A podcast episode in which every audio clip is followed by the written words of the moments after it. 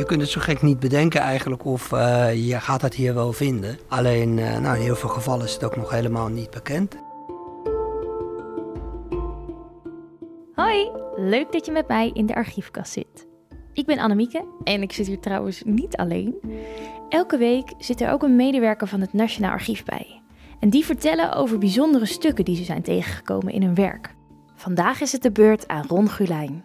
En geloof me, het zijn verhalen waarvan je nog niet wist dat je ze wilde weten.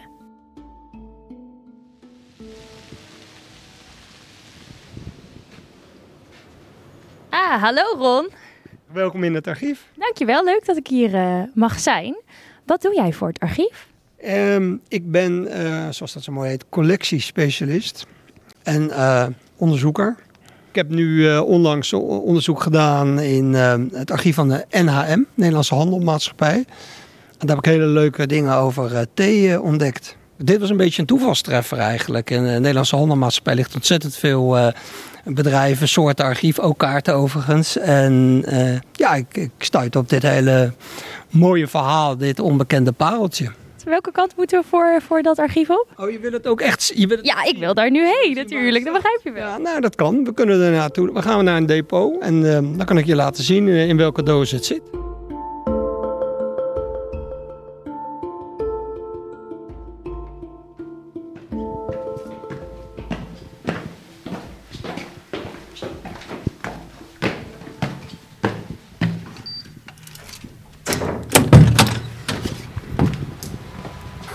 Nou Ron, het is hier wel gelijk een uh, stuk uh, frisser.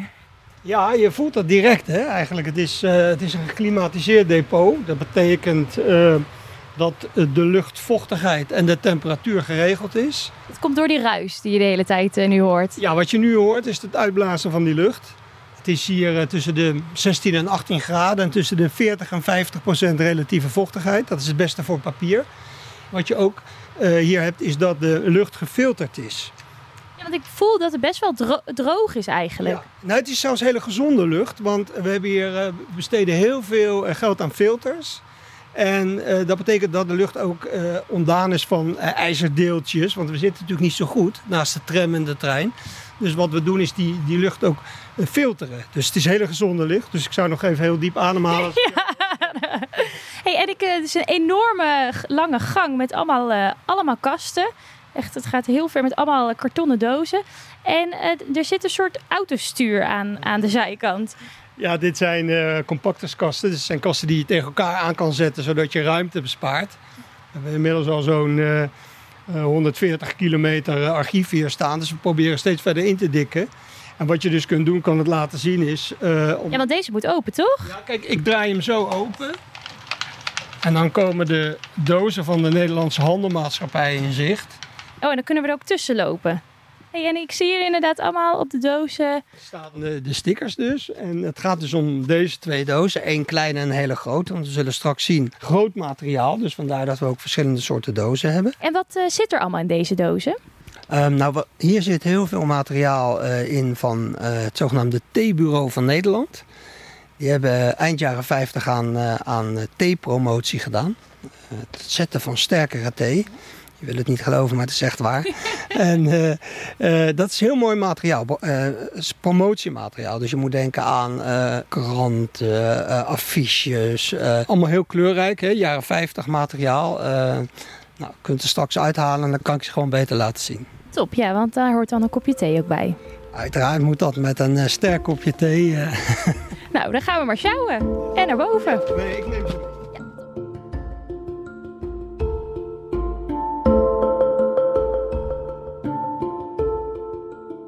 die stukken liggen hier allemaal op tafel. En uh, hoe ben jij dit eigenlijk op het spoor gekomen? Uh, ja, dat is wel een speciaal verhaal. Ik was op zoek naar uh, zaken over thee voor een bedrijf in Rotterdam. Het was een theehandelaar van Rees en die waren bezig met het koninklijk predicaat te krijgen.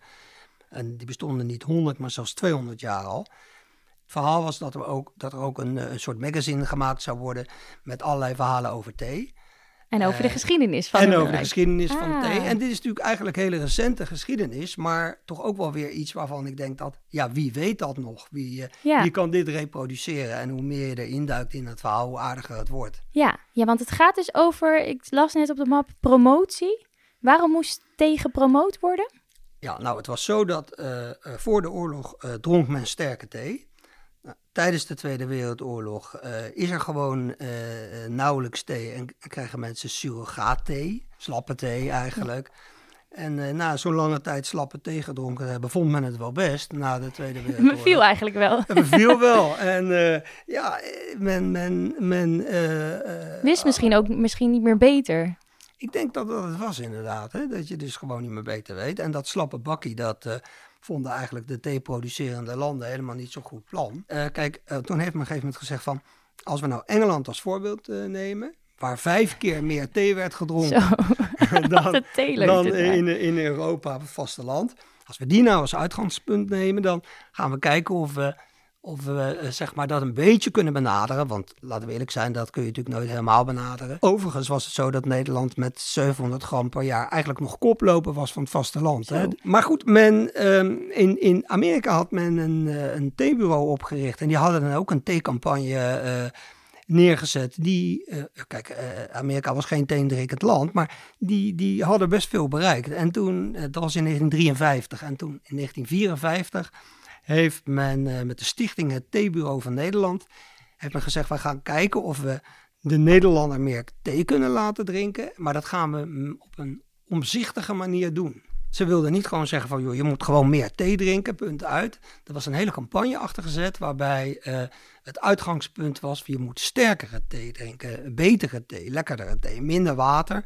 En eh, uiteindelijk kwam het natuurlijk gewoon op hetzelfde manier. Want ja, eh, als je sterkere thee drinkt, koop je ook meer thee.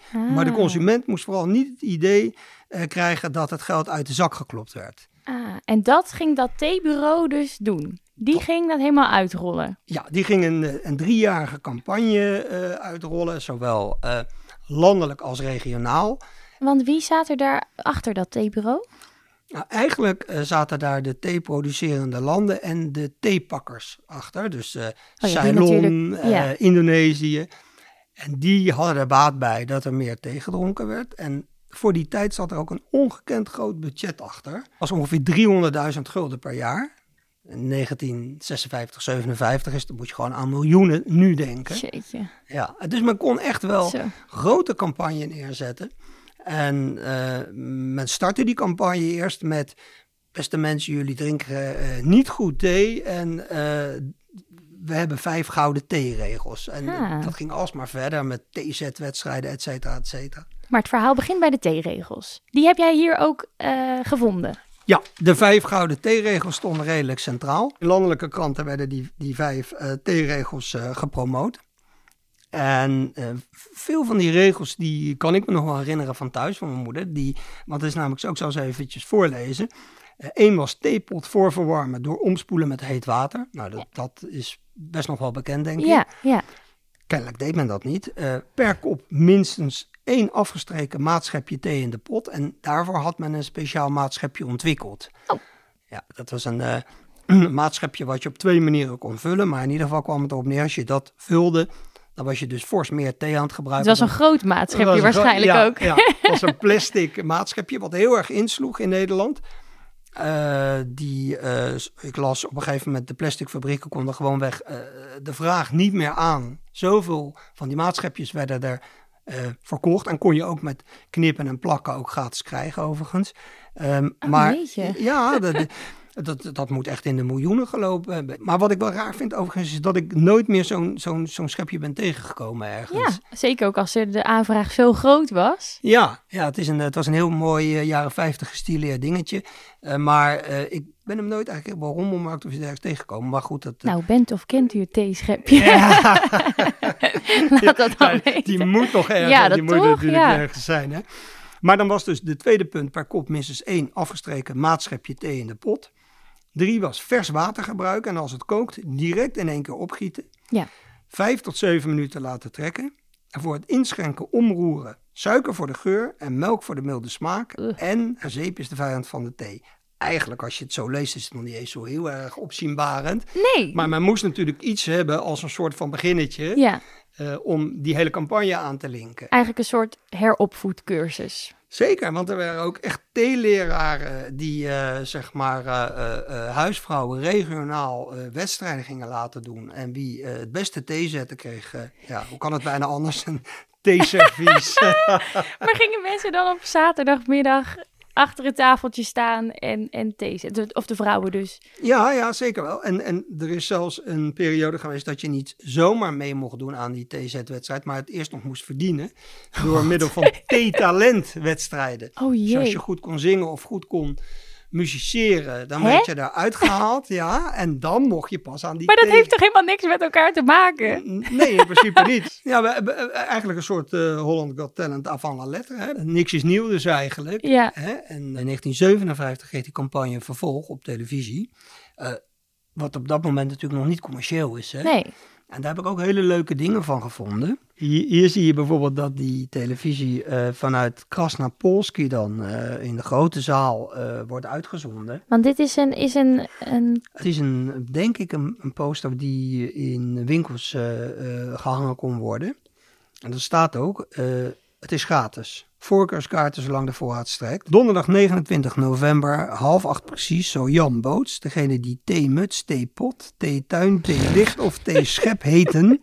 En die uit alle delen van het land komen, welkom heten in de grote televisieprogramma. En, en, en het aardige is ook dat men had voor dat concept in het buitenland, Amerika en Duitsland, had men serieus belangstelling. En die zagen het succes hier die en die dachten, het succes. hey, En ja, en die hadden, die hadden zoiets van. Het, is, het was echt opgemerkt over de grens.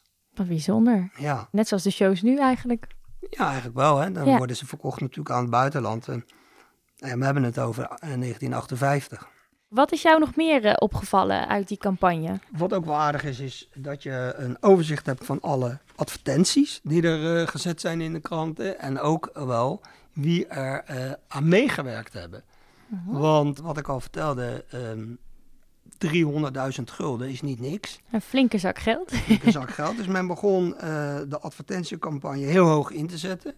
Men wilde eh, Marilyn Monroe eh, daarvoor Niet strikken. de minste naam meteen. niet, niet de minste, inderdaad. Ik denk niet dat dat gelukt is, want ik heb gezocht en ik heb haar niet teruggevonden in, in advertenties. Maar goed, er werden wel, waren wel andere mensen, zoals eh, eh, de, de, de toen bekende radiokooklerares mevrouw Lotgering Hillebrand. Wie kent haar niet?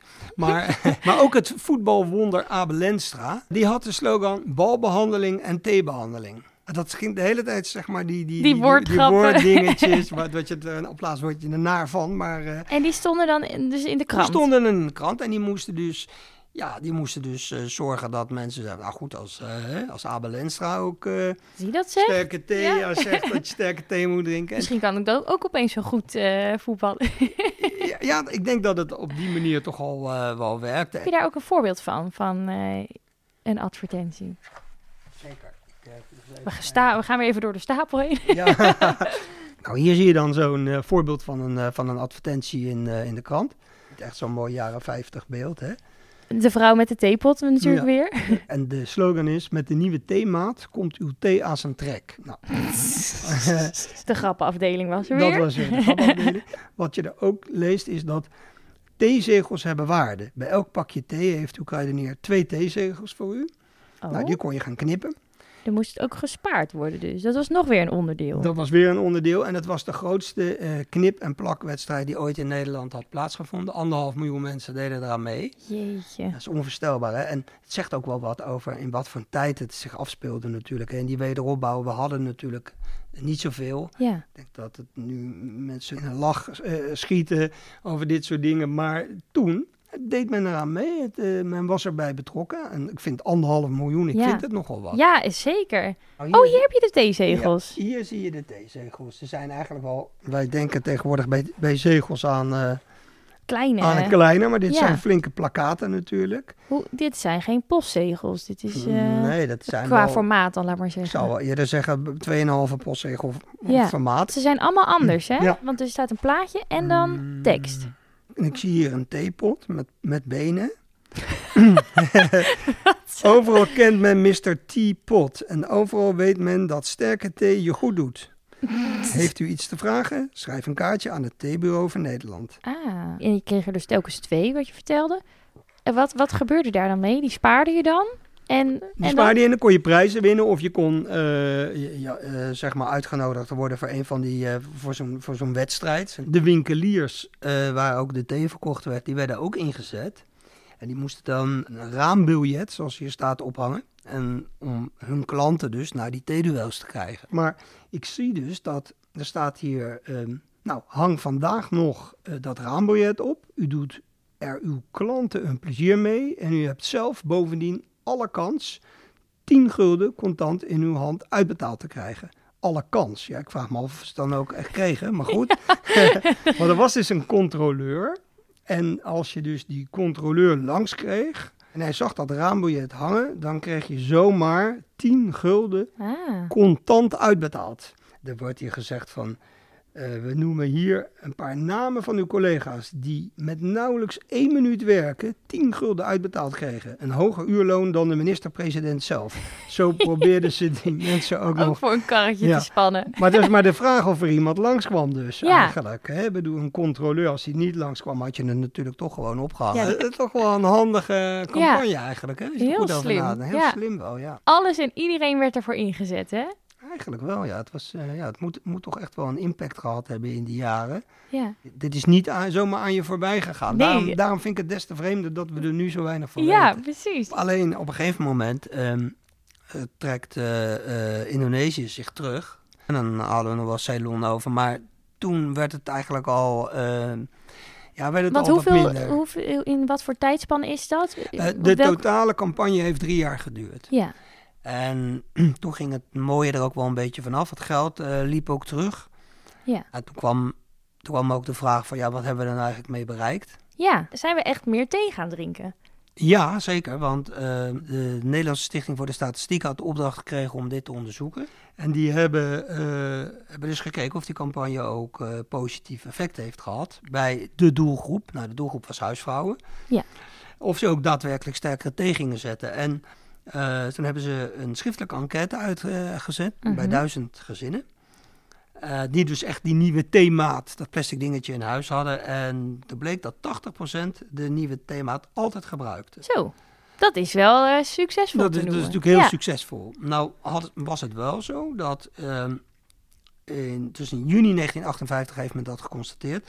Dat de impact van de campagne toch het meeste invloed had op de groep van huisvrouwen uit de hogere welstandsklasse. Ja. Huisvrouwen uit het noorden van Nederland. En zij die een damesblad lazen. Want daar werd natuurlijk, in ge- ik zie hier namelijk op zo'n map staan, eh, in deze periode werden advertenties geplaatst in onder andere Libelle en Margriet. Precies. Dus, dat Dus als je de geld had, dan kon je natuurlijk ook zo, überhaupt zo'n blad kon kopen. je zo'n blad kopen en dat was absoluut een succes. Eh, maar men heeft wel na drie jaar besloten van ja, het mooie is er nu wel af. Ja. Eh, Het doel is eigenlijk ook wel het, doel, bereikt. het doel is bereikt. En eh, wat ik dan toch ook wel weer leuk vind, is dat die, die, die vijf gouden theeregels, ik vraag me af of die voor die tijd niet al een beetje bekend waren. Want, Ja, maar laten we nou zeggen dat dat niet zo is. Dan is dat aardig blijven hangen. Want eh, mijn moeder eind jaren zestig deed dat precies nog. en jij misschien ook nog. Ik spoel altijd de, de pot om nog, ja. Ja, kijk. En eh, mijn vrouw die doet dat niet. Die vindt het onzin. Maar ik zeg, nee, nee, je moet met heet water. Dus dat heb ik weer meegekregen, weet je wel. En wat, wat zegt dit verhaal over, eh, over die tijd? Ja, het zegt natuurlijk wel dat eh, mensen, nou ja, wel nog erg gevoelig waren voor, voor, voor iets van vermaak. Voor, het, was, het was een, natuurlijk een schrale tijd. De wederopbouw, daar- ze hadden nog niet zoveel. Dus ja, de opkomst van de tv, eh, knippen en plakken, nou ja, Dat was Al- allemaal heel nieuw. Dat was nieuw en, en je kunt je niet voorstellen dat er nu, als je een theepot kan winnen, dat anderhalf miljoen eh, mensen eh, gaan knippen en plakken. Maar ja, dat, Ja. dat was niet zoveel en het was vermaak. Ja, Die, door die hele campagne heen, en men schaamde er ook niet voor om te zeggen, komen alleen maar vrouwen voor. En als er een man eh, in beeld komt, dan is het de theeleraar. qua man- en vrouwgelijkheid dan zie je ook wel vanaf dat dat er totaal niet was. Nee, dat was, eh, emancipatie was nog eh, ver te zoeken, denk ik. Het is inderdaad ook, eh, wat je zegt, dat is ook heel goed uit dit, eh, deze hele campagne te halen. Ja. Het werd ook gewoon gezegd, eh, vrouwen en meisjes, daar is het voor. Ik denk dat geen één man bij heeft gezeten die zegt, ik wil ook wel eh, sterke thee zetten of zo. Ja, ja, Wonderlijk. echt heel apart. Wat ik ook heel mooi vind, is dat die jaren 50 qua vormgeving, qua kleuren, pasteltinten, je voelt ook gewoon die tijd. En je, de, de- wat, wat we ook, er is geen enkele advertentie die niet drie eh, knullige woordgrapjes eh, erin heeft. Ja, daar zou je nu kromme tenen van krijgen, Ja. maar, maar eh, kennelijk eh, sloeg dat in die tijd erg in. Hè? Ja. Waarom moest dit verhaal dan bewaard blijven, denk je? Nou, ik denk dat het nog niet eens zo specifiek is gekeken naar waarom dit verhaal eh, bewaard moest worden. Het archief van de NHM, Nederlandse Handelmaatschappij, hebben wij hier. Dat moet sowieso bewaard worden natuurlijk. En daarbinnen is voor zover ik weet niet echt geschoond. Daar is niet echt gezegd van nou, dat wel, dat niet, dat wel, dat niet. Daarom kun je dus nog dit soort leuke ontdekkingen doen eigenlijk Ja. eh, in de archieven. Ja. Nou, laten we het dan maar weer eh, veilig op, eh, opbergen, want dit moet wel bewaard blijven, Dit toch? moet absoluut bewaard blijven en eigenlijk ja, er nog gewoon wat meer mee gedaan worden zelfs.